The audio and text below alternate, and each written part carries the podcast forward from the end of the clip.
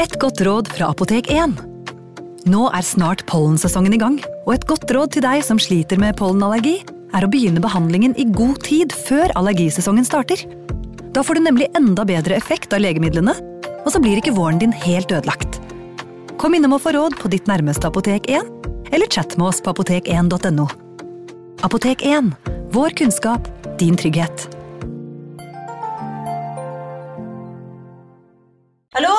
Jeg kommer fra Oslo politikammer. Ine Jansen er purk. Er du purk? The motherfucking bitch. Alt jeg vil, er å finne ut hva som skjedde med mannen min. Jon Carew. Er jeg sikta for noe? Iben Akeli. Det er du. Ole So, Lars Berrum og Big Daddy Karsten. Hvem sin side er du på, egentlig? Anette Hoff, Tone Danielsen, Kommer du fra Afrika? Jørnis Josef, Nesten. Kløfta. Trond Espen Seim, Det er synd å si det, men det var feil mann som døde. Purk. Premiere tirsdag på TV2 Play. Advarsel. I denne podkasten vil du høre historier basert på informasjon programlederne har funnet selv. Programlederne står ikke nødvendigvis inne for meninger og syn som fremstilles. Noen påstander kan avvike fra virkeligheten.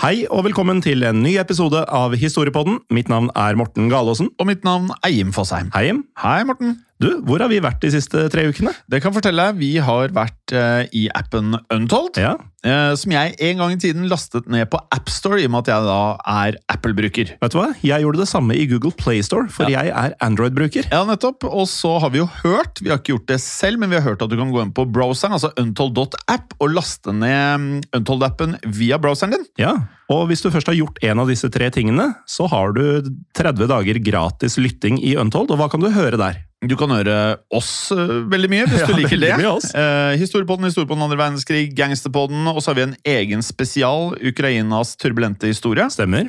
Og så er det jo flere titalls podkaster som ikke har med oss. I hvert fall ikke begge to samtidig. Blant annet True Crime-podden, du har Henrettelsespodden, Skrekkpodden, Synderne. Det er en rekke podkaster her inne. Ja, Så appen heter altså Untold. Vi er der reklamefritt hver eneste uke i en rekke podkaster. Helt riktig.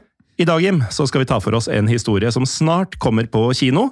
I denne episoden skal det nemlig handle om J. Robert Oppenheimer, en vitenskapsmann som har blitt huska som atombombens far. Ja, for eh, de filminteresserte, og det er jo mange av oss som er det, så er det slik at eh, mange av oss har nok registrert at den eh, neste filmen til eh, en av de største regissørene av vår tid, nemlig Christopher Nolan, den skal handle da om Oppenheimer. Og derfor har filmen passende nok også fått tittelen Oppenheimer. Og da unngår man forvirring. Ja, det er veldig greit. Og i hovedrollen så har man da en som jeg er spesielt begeistret for, etter at jeg virkelig fikk øynene opp for hvor flink han er som skuespiller, nemlig Killian Murphy. Og Killian Murphy vil nok mange kjenne igjen som Tommy Shelby fra Peaky Blinders. Ja, og i Dag Morten så skal det verken dreie seg om Peaky Blinders eller om filmversjonen av J. Robert Oppenheimer. For i dag så skal vi prate om den virkelige Oppenheimer, og ikke minst skal det handle om oppfinnelsen av atombomben.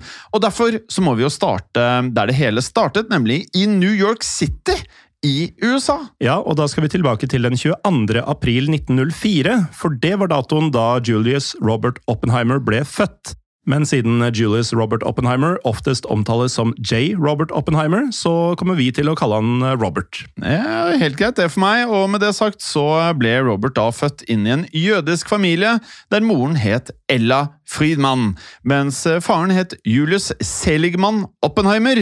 Og når det gjelder da foreldrene, så forstår vi det sånn da, at Ella hun jobbet som maler, mens Julius jobbet i tekstilbransjen. Og når vi da sier Julius fremover, så mener vi da altså faren til Robert, så selv om den Oppenheimer som da oppfant atombomben også heter Julius, så har vi gjort et skille her da. Ja, og apropos Julius, altså faren, så kan jeg nevne at han ble født i Prøysen i dagens eh, Tyskland, og selv om vi ikke har funnet ut når Julius ble født, så vet vi at han kom til USA i 1888. Men da han ankom landet, så mangla han visstnok en fullstendig utdannelse. Og i tillegg, Morten, så manglet eh, Julius også både penger og grunnleggende engelskkunnskaper. Det er vanskelig grunnpakke å begynne med. Det er veldig mye han skal lære seg på kort tid, men eh, til tross for dette så fikk han da jobb i en bedrift som da mm, importerte tekstiler. Og denne bedriften har vi dessverre ikke klart å finne navnet på. Er det lyttere ute som er klar over hva denne heter, kan dere gjerne sende det inn som en DM på Historiepodden Norge på Instagram. Ja, eller Facebook. Eller Facebook. Men eh, det vi vet, er da at Julius han skal ha blitt eh, forfremmet en rekke ganger gjennom de neste par årene. Og i løpet av et eh, ja, et tiår så hadde Julius da fått en direktørstilling i denne tekstilbedriften. Og dermed så ble Julius til slutt en, på denne tiden i hvert fall, velstående mann. Den amerikanske drømmen i praksis. Veldig. Og dette gjorde jo da at sønnen Robert fikk en privilegert og formell oppvekst, for da Robert ble født i 1904, så hadde familien Oppenheimer ansatt en privat kokk og en privat sjåfør. Og ved middagsbordet så måtte Robert og lillebroren hans Frank visstnok kle seg i både dress og slips. Men eh, Julius han hadde også råd til å spandere utenlandsreiser han på familien. For i 1909 så reiste familien Oppenheimer på ferie til Tyskland! Og i Tyskland så fikk den da fem år gamle Robert besøke farfaren sin, Benjamin. Og da skal Benjamin ha gitt Robert en samling mineraler som en presang. Kanskje ikke helt en eh, det er ikke noe jeg har fått i presang, i hvert fall. Nei, det er uh, nesten sånn at man ikke veit hva mineraler er, men hvis det er noen som da lurer på det, så er mineraler det som kan kalles uh, grunnlagsmateriale for bergarter. Fantastisk presang. Ja.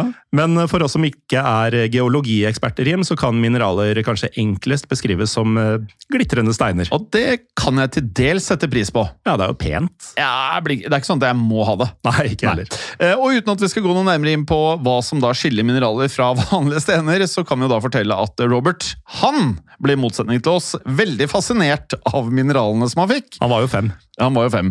Eh, og I tiden fremover så ble han deretter besatt faktisk da av å samle på steiner og mineraler. Hmm. Og i 1915, da Robert hadde blitt elleve år gammel, så meldte han seg inn i The New York Mineralogical Club.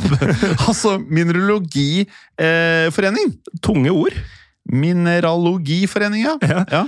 Men eh, samtidig som han samla på mineraler og steiner, så gikk Robert også på skole. Og da var det snakk om den prestisjetunge privatskolen The New York School of Ethical Culture. Merker han har eh, nok litt bedre utgangspunkt eh, der oppe i topplokket enn oss Ja. på denne tiden. Og et litt bedre utgangspunkt enn det faren hadde da han kom til USA. Vesentlig. Og ved denne skolen som du nevnte, Morten, så ble Robert da undervist i vitenskap, litteratur og også i etikk. Men selv om han fikk utmerkede karakterer, Morten, så slet Robert med å få venner blant klassekameratene sine. Noe som da skyldtes at Robert skal ha vært eh, sosialt ubekvem, har vi forstått. Ja, og det er han jo ikke aleine om, men eh, det er jo ikke det beste utgangspunktet for å ha et rikt sosialt liv som barn. Eh, På ingen måte, og ikke minst at han da ofte irriterte andre på sin egen eh, alder ved å oppføre seg som den smarteste personen i rommet. Og eh, vi skjønner jo at eh, spesielt som eh, barn så blir ikke det godt mottatt. Nei, det gjør jo ikke det. Og siden han brukte mye av døgnet til studier, så skal Robert også ha via lite tid til sosial omgang. Og av alt dette så følte Robert seg tydeligvis ensom. For ifølge en av lærerne hans, som vi heller ikke har navnet på, så skal den unge Robert på et tidspunkt ha uttalt dette. Jeg er den mest ensomme mannen i verden. Og det er ganske tunge ord fra et barn. Ja, det, Da hadde jeg kanskje blitt litt, jeg fått litt vondt som voksen, hadde jeg hørt det. Ja, det hadde vært fælt å høre som lærer. Ja, og eh, vi kan jo konstatere allerede nå at han virker jo veldig smart, eh, Robert, i ung, ung alder. Så det er ikke bare at han later som han er den smarteste i rommet, han virker jo smart. Ja. Men selv da om Robert var eh, ensom og sosialt utilpass, så var det ingen tvil om at han var en lovende vitenskapsmann også. Og som vi skal høre, så skulle han en dag finne opp da historiens aller dødeligste våpen, nemlig atombomben. Ja, og denne episoden heter jo Atombombens far, hjem', Og vi har jo hatt om fedre før, eh, blant annet håndvaskens far. Jeg føler det er to eh, Ganske forskjellige. Altså, håndvaskens far, det er bare snilt. bare positivt. Altså, kan Selv om han møtte mye motstand. Ja, men jeg kan ikke komme på én negativ ting som kan komme ut av å skanne. Nei, ikke heller. Mens det å eh, enten lage, finne opp atombomben eller slippe en atombombe er bare negativt. Vanskelig å være uenig i det, Jim, men før Robert kunne utvikle atomvåpen, så måtte han først fullføre utdannelsen sin. Og da havna Robert på en av USAs mest kjente eliteskoler. Det gjorde han eh, kanskje en av verdens mest kjente eliteskoler, faktisk. For eh, da Robert ble uteksaminert da fra nevnte The New York School of Ethical Culture, så gikk veien hans videre til Harvard. Og ved Harvard så begynte han i 1922 på det som ble en fire år lang bachelorgrad i kjemi. Men i dette tidsrommet så ble Robert også interessert i fysikk, og siden fysikk er en viktig del av denne historien, så kan vi jo kort nevne hva fysikk faktisk omhandler.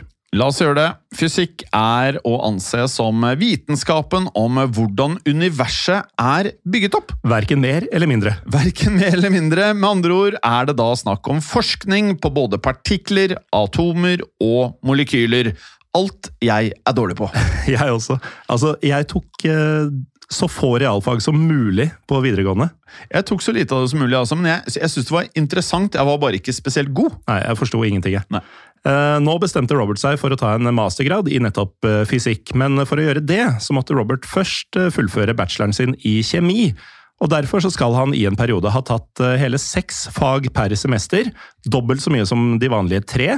Og her eh, er han også veldig annerledes enn oss to. Ja, virkelig. Det hadde ikke vi klart. Og i 1925 så fikk Robert derfor denne kjemibacheloren sin etter tre års studier i stedet for fire. Alt dette er jo veldig imponerende. Og med det så begynte Robert å utdanne seg som fysiker. Og siden datidens ledende fysikere gjerne jobbet ved europeiske universiteter, så måtte jo Robert da belage seg på å reise til Europa. Og derfor søkte Robert seg til England for å studere fysikk på masternivå. Og i England så kom han inn ved et annet veldig kjent eh, universitet, eh, Jim, nemlig Cambridge. Da har han vel mer eller mindre gått på to av de aller største, altså. Ja, Ja. eh, Så kan Yale og Oxford-folk krangle litt med oss på det. Ja. Men slik vi forstår det, så gikk Robert dårlig overens med den britiske fysikeren som veileda Robert i arbeidet med masteroppgaven hans. Ja, og denne fysikerens navn var Patrick Maynard Stuart Blackett. Og selv om vi ikke vet hvorfor Robert og Blackett ikke gikk overens, så virker det som at Robert da fikk aldeles nok av Blackett. Og vi må jo bare minne om at eh, ja, altså Robert han kom jo ikke overens med alle, han. Han gjorde ikke det, og han uh, har jo en hjerne litt utenom det vanlige også faglig, så det er fort gjort å kanskje skrape litt feil. Ja, og folk kan jo også føle seg truet og bli sjalu, og det er forskjellige ting som kan oppstå her. For ifølge Francis Ferguson, som var en av de få vennene som Robert eh, hadde fra Harvard, så kom Robert med en overraskende tilståelse. Ja, for Robert skal nemlig ha fortalt Ferguson at Robert ved én anledning hadde spraya giftige kjemikalier på et eple. Og deretter hadde Robert visstnok lagt dette eplet på skrivebordet til Blackett. Noe som da Altså, det utgjør jo ikke noe mindre enn et forsøk på å forgifte Blackett. Ja, dette er eh, Altså, hadde han fortsatt denne veien, så hadde det blitt en episode av Synderne. Ja, Som også er å finne i Untold. Helt riktig. Eh, heldigvis da for alle parter her, så ble dette forgiftede eplet aldri spist av Blackett. Men likevel så virker det som at eh, påfunnet til eh, Robert skal ha blitt avslørt. Ja, for overfor denne Ferguson så innrømma nemlig Robert at han nesten ble kasta ut av Cambridge pga. denne giftepisoden. Men som vi nevnte i starten, så kom jo Robert fra en bemidla familie, og foreldrene hans, Julius og Ella, de la inn noen gode ord hos universitetsledelsen, slik at Robert fikk lov til å bli værende ved universitetet. Likevel så skal Robert ha mistrivdes ved Cambridge. For alt å dømme så plagdes Robert med en altfor stor eh, arbeidsmengde. Det kom litt overraskende på oss, jeg trodde det skulle være helt andre ting. Eh, og i perioder der Robert da følte seg overarbeidet, så glemte han ofte å spise. Det er jo en eh, tendens hos folk som er litt sånn eh, arbeidsnarkomane, at arbeidet blir altoppslukende, og basale behov som mat og toalettbesøk og sånn nesten glemmes. Det er i hvert fall sånn i alle filmer hvor man eh, portretterer et såkalt geni, så er jobben alt, og alt det andre er sekundært. Ja. Men en ting han ikke glemte, Morten, det var å røyke. Det husker han godt. Det husket han, for han har blitt beskrevet som en kjederøyker, og at han angivelig røykte helt opp til 100 sigaretter om dagen! Det er en god del. Jeg kommer fra en ø, røykende familie, holdt jeg på å si. Mine foreldre røyka da jeg var ung. Og eh, jeg tror ikke det var mer enn sånn 20 til 40, og jeg syns det var mye. Ja, det er å betrakte som mye. Det vil si, altså, til alle som eh, ikke røyker, og som eh, ser på røyk som avleggs, og som ikke har noe oversikt over dette her, så var jo de gamle pakkene, i hvert fall. Det var 20-pakninger eller 10-pakninger. Ja. Så hvis du røyker 100 om dagen, så røyker du da fem 20-pakninger eller ti 10-pakninger! Det er vanvittig. Da er, da er det hele dagen gjennom, da. Ja, det er enorme mengder, og med andre ord så levde jo ikke Robert eh, helt sunt da, gjennom tiden ved Cambridge, og senere så har det faktisk blitt hevda at eh, Robert også var kraftig deprimert i løpet av denne perioden. Og vi har vel ført litt på dette så langt i episoden. At eh, det var tendenser der.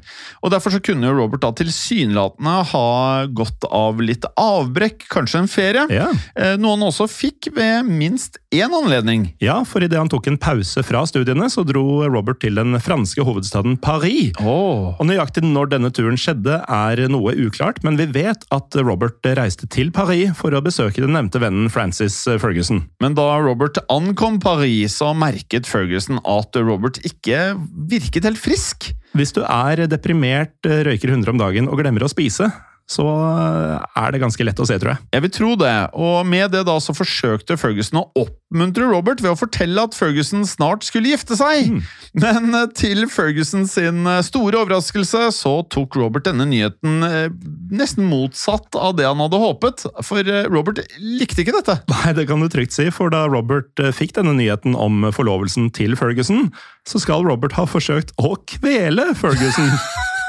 Det er noe helt annet enn å gratulere hjertelig. Det er stygt å le, men eh, det er, eh, man må jo prøve å se humoren i det òg. Ja, og um, som man kanskje har skjønt på all denne røykinga og mangelen på mat, så var ikke Robert en fysisk imponerende skikkelse, og dermed klarte Ferguson å komme seg unna uten eh, større problemer. Dessverre så har vi ikke mm, noen forklaring på hvorfor Robert reagerte så ekstremt. Altså, Å kvele han, det føles litt sånn unaturlig, for å si det mildt. Men vi forstår det da slik at Ferguson var overbevist om at Robert slet med kraftige psykiske problemer. Og jeg forstår hvor de tankene kommer fra. Det kan jeg også forstå. Og selv da om Robert eh, snart skulle bli bedre igjen, så ble han gjennom resten av livet plaget av sporadiske perioder med store depresjoner. Men i periodene som han var deprimert, så søkte Robert visstnok trøst i fysikkarbeidet sitt, og ved en anledning så skal Robert faktisk ha uttalt følgende til broren sin Frank.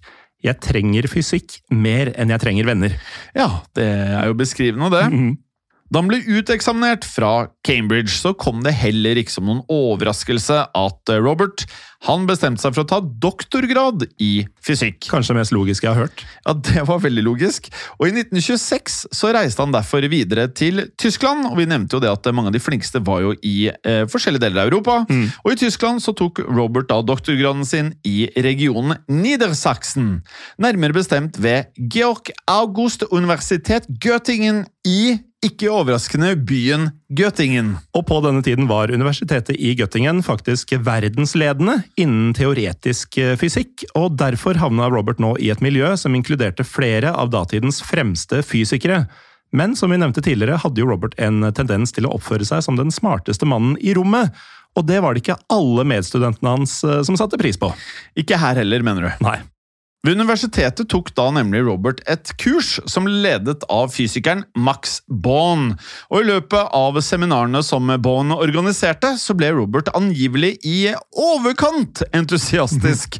For i diskusjonene som fant sted under seminarene, så lot Robert nærmest ingen medstudenter komme til orde. Jeg tror vi alle har vært i uh, seminargrupper på universiteter og lignende hvor det har vært en sånn i rommet. Ja, ofte i hvert fall. Uh, Men det, her høres det kanskje veldig ekstremt ut, da. Veldig. Eh, Og Derfor så lagde noen av medstudentene til Robert til slutt en egen underskriftskampanje. Bare hør på det. Altså Han lot ingen andre få snakke, til de grader hvor rett og slett ingen eh, visste sine armer råd. Og med det så måtte de da få til denne kampanjen mot Robert. Ja, dessverre er det uklart hvor mange som skrev under på denne kampanjen, men vi vet at eh, studentene som skrev under, krevde at Born fikk Robert til å dempe seg under disse seminarene. Og dersom det ikke skjedde, så trua de samme studentene med å boikotte undervisninga til Max Born. Oppenheimer høres vel eh, litt ut Morten, som en fyr som ikke har eh, mest selvinnsikt, og som kanskje ikke er den som er mest bevisst på ting rundt seg. Og egen oppførsel. Og egen oppførsel, ja. Eh, Og med det så lot Born brevet med underskriftskampanjen angivelig ligge åpenlyst på kateteret sitt, Eh, noe som da gjorde at Robert så brevet da han passerte kateteret. Og uten at Born måtte si et eneste ord til han, så endte derfor med at Robert da sluttet å snakke over medstudentene sine. Så her viste han jo en, i hvert fall en evne til å forstå dette, da. Ja, eh, største eh, inntrykk av selvinnsikt eh, vi har fått fra han foreløpig. Eh, og også sosial eh, intelligens. Så han endte med å ikke kvele Born. Ja, riktig. Men eh, selv om dette studiet ikke gikk sosialt knirkefritt for Robert, så gikk det faglig sett utmerket. For i mars 1927 så fikk han doktorgraden sin i fysikk i en alder av 23 år. Det er tidlig å være doktor i fysikk, eller doktor i noe som helst. Og idet vi tar oss til 1928, så reiste Robert tilbake til USA igjen. Og i USA så fikk han en stilling som professor ved The University of California, avdeling Berkeley. Men rett før Robert begynte i eh, professorjobben, så ble han diagnostisert med et mildt tilfelle av lungesykdommen tuberkulose. Og det var ikke noe å tulle med på den tiden. På ingen måte, og med det så dro da Robert til delstaten New Mexico for å komme til hektene ved ranchen til broren, som het Frank. Og her eh, likte Robert seg tydeligvis, for eh, da Frank fortalte at han ønsket å selge ranchen sin, så utbrøt da Robert følgende Hotdog! Hot dog! Hot dog! Og det førte til at Robert nå kjøpte ranchen til eh, Frank, og da ga Robert ranchen navnet Perro Caliente, som betyr eh, hotdog på spansk. Ja, det er ikke helt sånn åpenbart hvorfor man skriver ho skriker hotdog. Nei. Uh, uansett, idet vi da fortsetter, så tok Robert uh, fatt på stillingen som professor ved Berkeley-universitetet. Jeg repeterer, han var nå da professor ved Berkeley-universitetet. um, og gjennom de neste årene så utmerket han seg da som en glimrende fysiker, og vi hadde ikke forventet noe mindre. Nei, han er jo atombombas far. Han er jo faktisk det. Uh, og dette gjorde han blant annet ved å da forske på atomer, som innen fysikken har blitt beskrevet som byggesteinene i alle kjemiske stoffer. Og siden Robert huskes som atombombas eh, far, så skjønner nok lytterne hvor vi nå er på vei. For etter en kort pause så skal vi høre om hvordan Robert fikk ansvaret for å lede an i utviklinga av verdens første atombombe. Velkommen tilbake. Før pausen så nevnte vi at eh, Robert han skulle få jobben med å da utvikle verdens første atombombe. For i løpet av 1930-tallet så ble han regnet som en av USAs aller beste fysikere. Ja, og denne statusen skyldtes annet hvordan Robert forfatta en rekke forskningsartikler. Robert sto nemlig bak følgende banebrytende artikler. On the stability of neutron cores, On massive neutron cores og On continued gravitational contraction. Jeg føler du er ganske langt unna å ha skrevet disse her. Jeg uh, veit knapt hva de betyr. ja, samme her.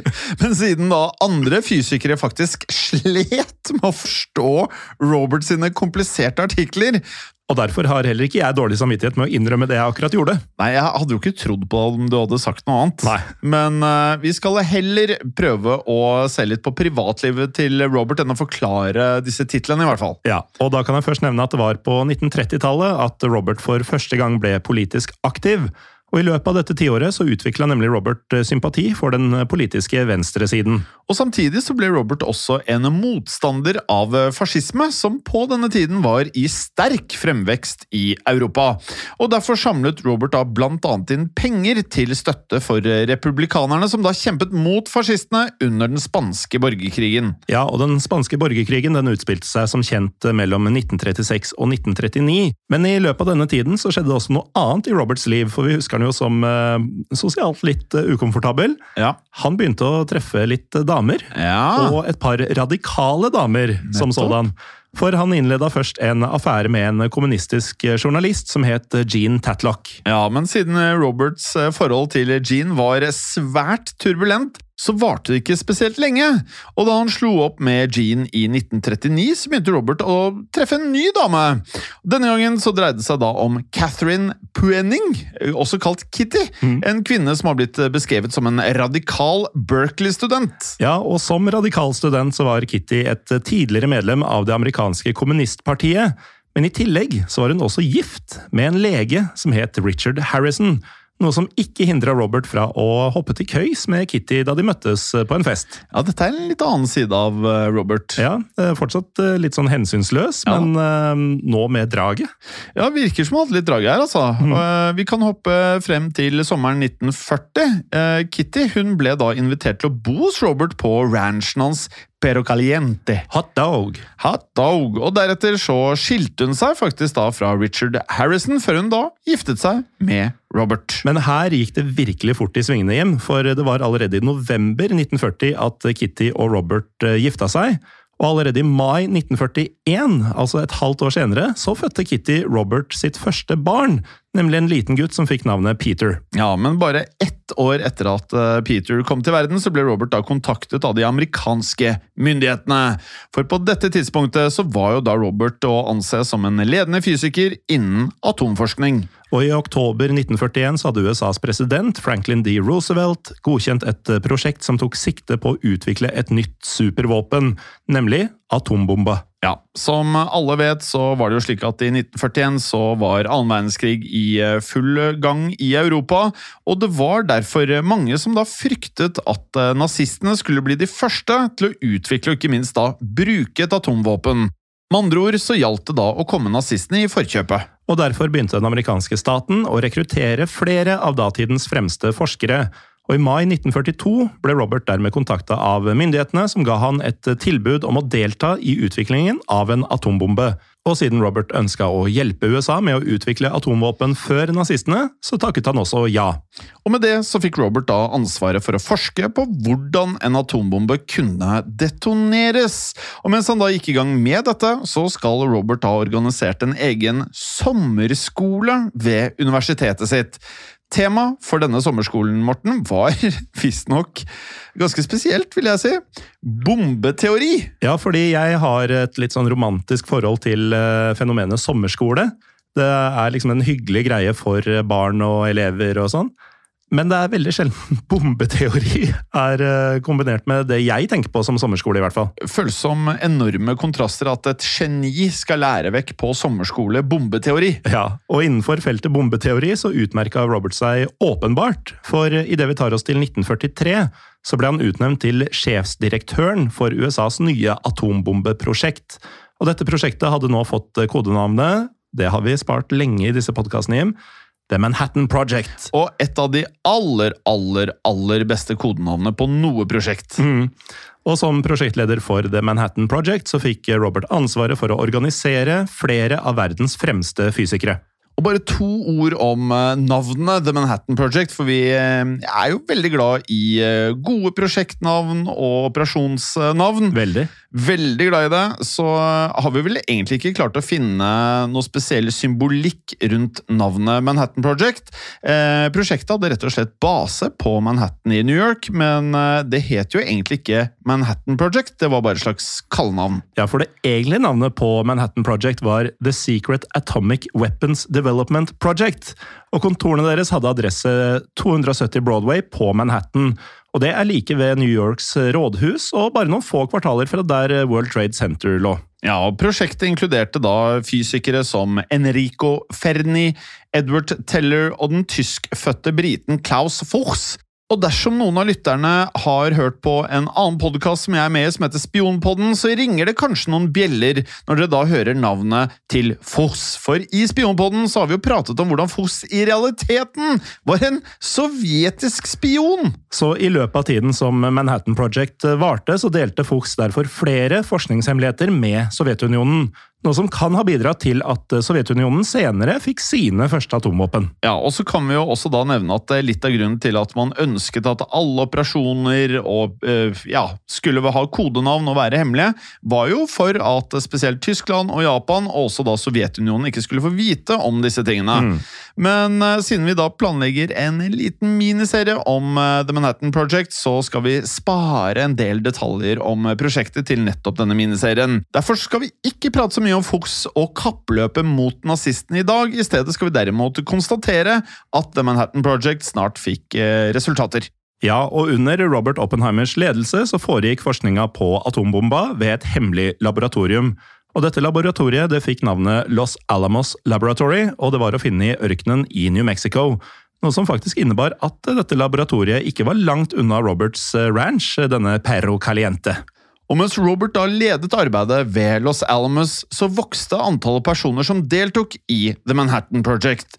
For selv om prosjektet da startet med bare noen få hundre forskere, så endte prosjektet opp med å inkludere over 6000 personer! Det er en viss vekst. Og selv om Robert disponerte tusenvis av personer, så var arbeidet med atombomba utrolig komplisert.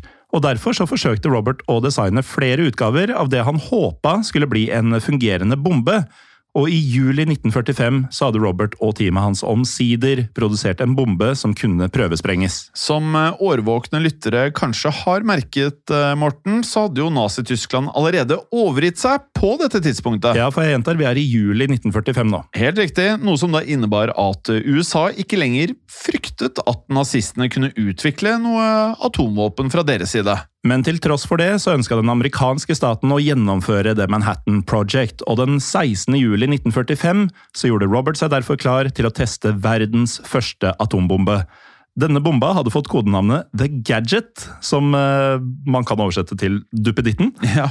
Uh, og vi skal, uh, Om vi skal beskrive utseendet til The Gadget, så kan bomba sies å ligne på en rund kule mellom ca. 1 og 2 meter i høyde og bredde. Ja, og Vi kan også legge til at uh, The Gadget skulle da sprenges ved et sted som het Alamogordo. I likhet da med Los Alamos Laboratorios var Alamogordo å finne i ørkenen i nettopp New Mexico. Og i forkant av prøvesprengningen så bestemte Robert at Alamogordo skulle omtales under kodenavnet Trinity. Hmm. Altså, Det betyr jo da treenighet. Ja. Og Derfor har prøvesprengningen blitt husket som The Trinity Test. Og før The Gadget skulle detoneres, så hadde Robert også sørga for at det ble bygget et 30 meter høyt tårn av stål. For ved å detonere The Gadget på toppen av dette tårnet, så håpa han å simulere hvordan bomba ville eksplodere dersom den ble sluppet ned fra et fly. Ja, og det er jo et poeng, da. Eh, Med det sagt så var det rett før daggry den 16. juli 1945 at The Gadget omsider var klar til å sprenges. Og siden et slikt våpen selvfølgelig aldri før hadde blitt testet, så var det noen av fysikerne til Robert som da fryktet for hva som ville skje da bomben gikk av. Ja, for gjennom de foregående årene så hadde nemlig teamet til Robert diskutert hvorvidt en atombombe kunne sette fyr på jordas atmosfære. Altså, Tenk deg det at eh, de, de visste jo åpenbart de, at de var med på noe som ville forandre verden for alltid. Ja, og det er verdt å ta en liten pause her og bare tenke over hvor stort øyeblikk i verdenshistorien dette faktisk har vært. Um, Man kunne sagt på godt og vondt, jeg vet ikke helt hvor mye godt det egentlig har ført med seg. Men det er altså um, et, et vippepunkt i verdenshistorien som, eh, som er større enn de fleste andre. Um, og dersom da atombomba kunne sette fyr på atmosfæren, så ville det også føre til at menneskeheten ble utsletta. Ja, og vi skal da at Vi må jo tilbake i tid her for å liksom eh, sette oss inn i situasjonen. Man ante ikke hvilke konsekvenser dette ville føre til. Eh, og når man prater om dette her, at man kunne sette fyr på jordens atmosfære Ja, det var en reell eh, bekymring. Ja, øh, og man kan jo også argumentere for at vi prater om at det er jo ikke mye godt som har kommet ut av oppfinnelsen atombomben, men samtidig, her var jo litt av agendaen at de i gåstegn skulle stoppe krigen Mm. fra amerikansk side. da. Ja. Uh, uansett, da The Trinity Test gikk av stabelen, så hadde Robert og fysikeren hans heldigvis konkludert med at atmosfæren sannsynligvis ikke ville bli antent. Heldigvis sannsynligvis ikke. Allikevel, Morten, så var det noen fysikere som var svært bekymret eh, i ørkenen ved Alamogordo der. Ja, og En av dem som var til stede for å bevitne denne prøvesprengninga, det var nemlig fysikeren Emilio Segre. Og på et eh, senere tidspunkt så uttalte Segre følgende. Selv om jeg visste at det var umulig, så trodde jeg et lite øyeblikk at eksplosjonen kunne sette fyr på atmosfæren og utslette jorden. Ja, og det var kanskje ikke så rart at eh, Segre følte på usikkerhet, for eh, da The Gadget ble detonert, så utgjorde eksplosjonen den kraftigste som noensinne hadde blitt skapt av mennesker. Ja, det er skremmende dette her, Morten. Ja, og husk at uh, dette er en risiko de tar for å prøvesprenge. Mm. Altså, eh, når krigen egentlig da nærmer seg slutten, og hvis du i det hele tatt frykter at du kan ende sivilisasjonen, eller hele planeten, Mm. det er jo litt eh, vel stor risiko å ta, da. Ja, jeg tenker jo det. Uansett, da atombomben eksploderte, så var klokken 05.29 på morgenen, og det veltet da en 12 kilometer høy sopplignende sky eh, opp over ørkenen. Altså 12 km er over en mil. Ja, Det er helt vanvittig å tenke deg, liksom. eh, Det, man ante jo ikke hva som skulle skje heller. Eh, Og fra da observasjonsposter som lå ca. 32 km unna, så kunne i teorien da Robert og andre prosjektmedlemmer da se eksplosjonen. Ja, I teorien kunne de det, men da det smalt, så lå de fleste tilskuerne faktisk på bakken med øynene vendt eh, nedover. For eh, på denne måten så håpa fysikerne og militærpersonellet som var til stede, å unngå permanente øyeskader. Ja, og et eh, ikke navngitt øyevitne som da befant seg omkring 240 km unna eksplosjonen, beskrev nemlig hvordan eksplosjonen lyste opp himmelen som solen. På 24 mils avstand. Ja, det er helt vanvittig. Og Derfor så var det kanskje ikke rart at en av fysikerne til Robert hadde med seg solkrem. Ja, det stemmer, for den tidligere nevnte Edward Taylor mistenkte nemlig at atombomba ville produsere store mengder UV-stråling, og for å beskytte seg mot det, så tok Teller derfor med seg en tube solkrem til prøvesprengninga. Og før bomba gikk av, så skal Teller faktisk ha delt solkremen med flere av kollegene sine. Det bør være relativt høy faktor. Jeg tenker det. I tillegg skal Teller ha vært en av få personer som faktisk så på The Gadget mens bomben eksploderte. Det er tøft gjort, men han var jo også innsmurt i solkrem, så hva kunne gå galt? Ja, Noe han heldigvis eh, gjorde med vernebriller på, slik at han da unngikk synsskader. Men da de skarpeste lysglimtene fra eksplosjonene ebba ut, så skjønte Robert og de andre tilskuerne at The Trinity Test var en suksess. Og da Roberts team innså at de hadde lagd en fungerende atombombe, så brøt det ut spontan jubel blant fysikerne. Dette ble senere beskrevet av eh, en historiker ved navn William Lawrence. Eh, Lawrence var nemlig til stede, siden han da hadde fått i oppgave å offisielt dokumentere The Manhattan Project. Hør på dette fra Lawrence. Høye skrik fylte luften.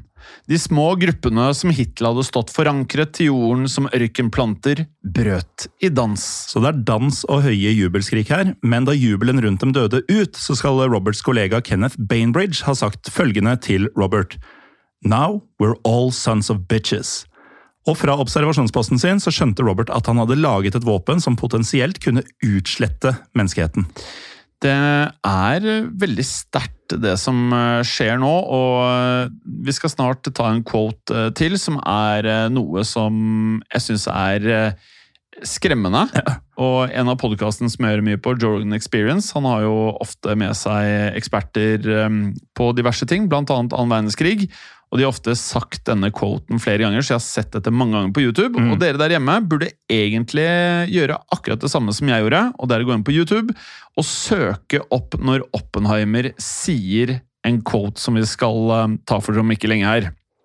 For ifølge Robert selv så begynte Robert deretter å tenke på en hinduistisk hellig bok som han tidligere hadde lest. Denne boken heter Bhagavad Gita, eller Bhagavad Gita, eh, som på norsk kan oversettes til Herrens sang. Ja, og da var det altså følgende sitat fra boka som falt inn i hodet til Robert.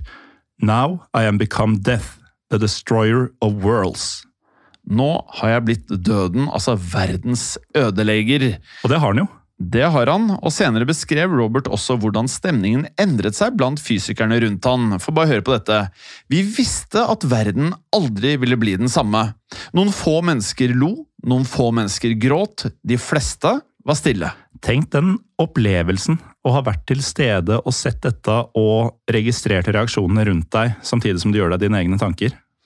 Det føles som at uh, dette her er jo noen av de smarteste menneskene som levde på denne tiden. Mm. Jeg tror de alle var klar over at uh, nå har de åpnet uh, for denne teknologien, og den kan aldri bli borte igjen. Pandoras eske. Hva har vi gjort? Mm. Og slik Robert og kollegene hans nå ante, så var det nemlig bare et spørsmål om tid før USAs myndigheter ville bruke en atombombe mot et fiendtlig mål. For på dette tidspunktet så var jo andre verdenskrig enda ikke over, ettersom USA fortsatt kjempa mot Japan i Stillehavet. Mm.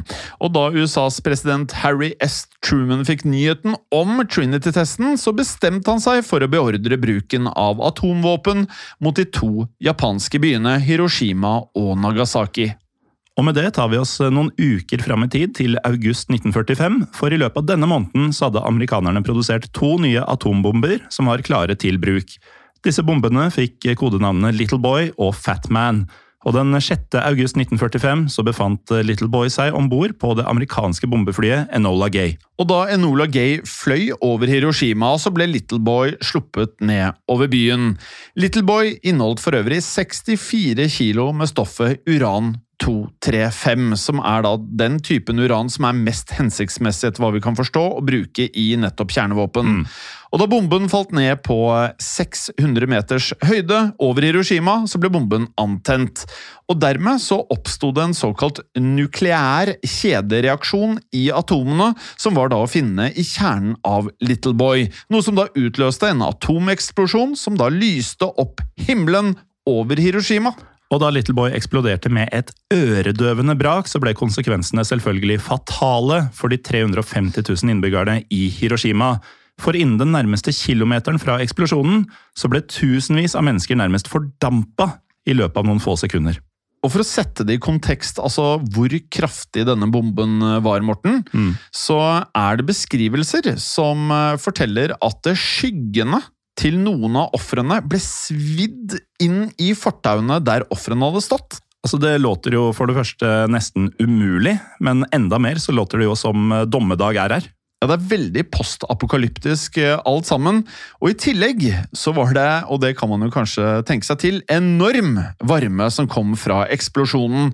Så mye varme at eh, det oversteg da 6000 grader celsius. Altså 6000 grader celsius! Ja, og vi har sittet her, eh, Jim, og tatt noen pauser og sånn, fordi det er veldig varmt i studio men eh, det kunne vært verre. Det kunne vært verre, og derfor så mistet da flere tusen mennesker deretter livene sine av ildstormer, som da satte hele Hiroshima i brann. Så i løpet av bare noen få minutter så kom de totale dødstallene opp på mellom 70 og 140 000 ofre.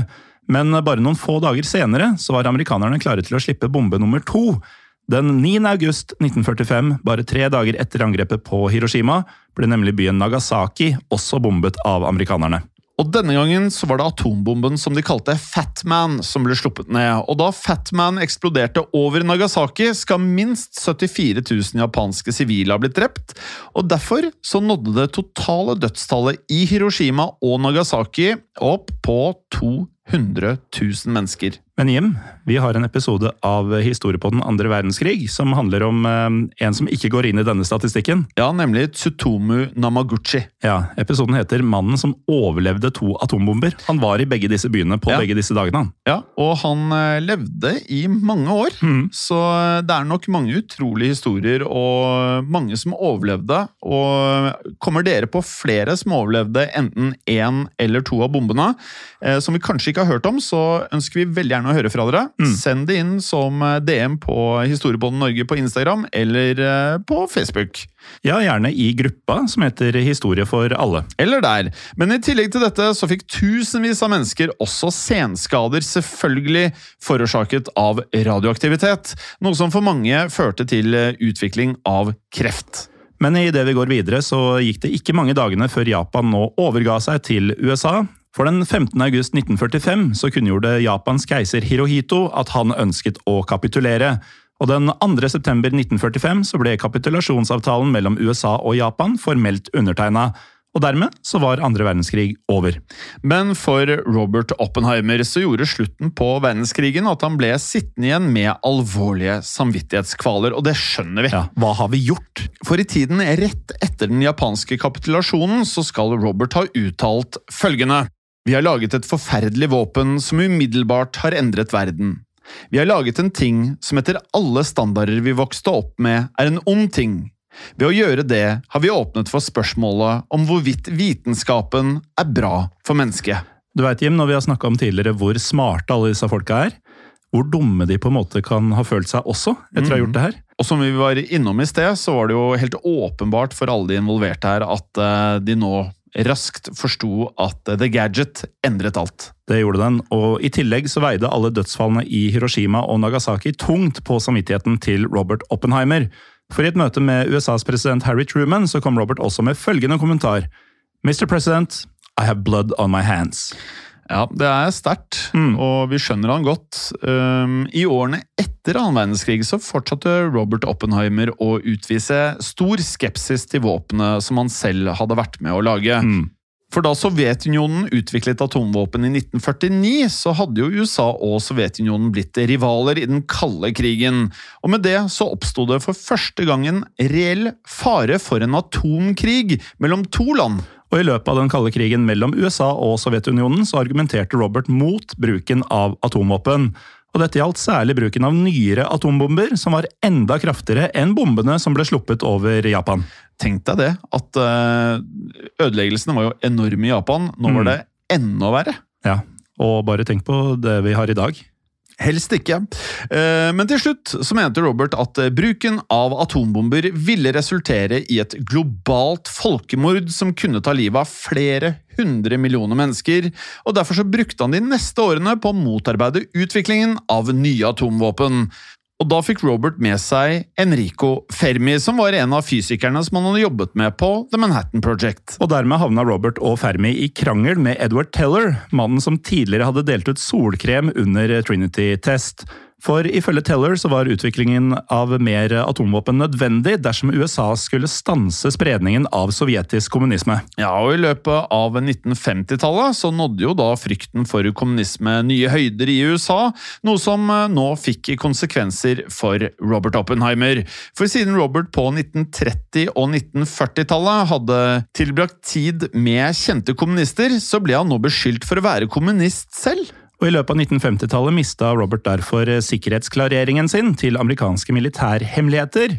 Og For å strø salt i såret så ble han også sparka fra The Atomic Energy Commission. Og Da kan det være greit å forklare nettopp eh, hva The Atomic Energy Commission var for noe? Det kan det. Vi kan jo si da at eh, The Atomic Energy Commission var en sivil etat som fikk ansvaret for å utvikle bruk av atomkraft i USA. Dette inkluderte f.eks. utviklingen av atomkraftverk. Ja, og Da Robert ble fjerna som rådgiver for denne etaten, så skapte det store protester blant eh, kollegene hans, og derfor sendte 493 vitenskapsmenn som hadde jobba på Manhattan Project, inn en offisiell klage på avgjørelsen om å fjerne Robert. Men til tross for dette så fikk ikke klagen gjennomslag, og i løpet av eh, de neste årene så måtte Robert da finne seg en ny jobb, noe han heldigvis klarte i 1959, da han fikk en jobb i delstaten Colorado. Ja, Der begynte Robert å undervise i fysikk ved The University of Colorado. Og Der ble han værende gjennom de neste årene, og med tiden så ble livet litt enklere for Robert Oppenheimer igjen. For i 1963 så ble USAs forhold til Sovjetunionen litt mildere enn det var på 1950-tallet, og idet frykten for kommunisme avtok noe, så ble ikke Robert lenger anklaget for å være kommunist. Og i 1963 så fikk Robert en offisiell utmerkelse fra USAs daværende president, Lyndon B. Johnson. Og denne prisen het The Enrico Fermi Award, ettersom prisen var oppkalt etter Roberts gamle kollega Enrico Fermi. Og i dag så gis The Enrico Fermi Award også fortsatt til forskere som har utmerka seg for det de kaller livslange oppdagelser i utvikling, bruk eller produksjon av energi. Og det hjem kan vi i høyeste grad si at Robert Oppenheimer gjorde, for i tiårene etter at Robert oppfant atombomba, så har jo atomkraft totalt forandra verden vi lever i. Til tross for dette så levde ikke Robert lenge nok til å oppleve alle endringene som han bidro til å skape, da, for idet vi da nærmer oss slutten for i dag, så kan vi fortelle at Julius Robert Oppenheimer døde den 18. februar 1967. Da gikk han nemlig bort i en alder av 62 år. Vi forstår det slik at eh, dødsårsaken skal ha vært eh, strupekreft, Morten. Mm. Det er jo ikke sånn superoverraskende for de som har fulgt med litt tilbake i episoden. Nei, for vi nevnte jo at han eh, skal jo ha røyket 100 sigaretter hver dag. Og det merker kroppen. Det merker den. Men i årene etter Robert Oppenheimers død så huskes han også som en av historiens viktigste vitenskapsmenn. Og idet vi runder av, så kan vi jo igjen oppfordre lytterne som har fått mersmak på denne historien, til å få med seg den kommende filmen om Robert Oppenheimer. Vi nevnte jo innledningsvis at uh, filmen heter jo da Oppenheimer.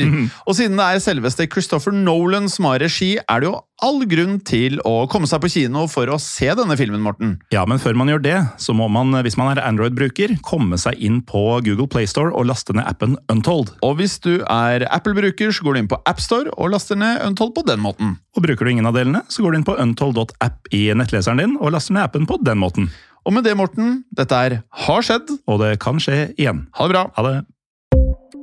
Historiepodden ønsker å takke følgende. Dere som hjelper oss som sitter i produksjonen. Dere som hjelper oss som sitter i redaksjonen, inkludert eh, tekstforfattere. Det er Helt riktig. Og dere som sitter på marked, som faktisk da gir oss muligheten til å drive med Historiepodden. Og selvfølgelig alle dere som hører på. Tusen takk.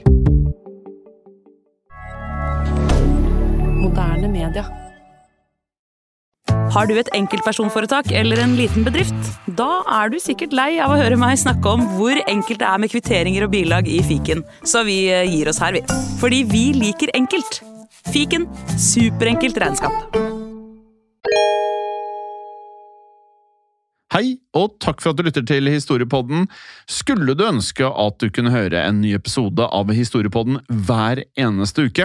Vel, da er det én ting å gjøre. Da kan du laste ned podkastappen Untold med det samme. For i tillegg til ukentlige episoder av podkaster som Historiepodden andre verdenskrig, Henrettelsespodden og også Gangsterpodden, så får du masse annet reklamefritt og også eksklusivt innhold.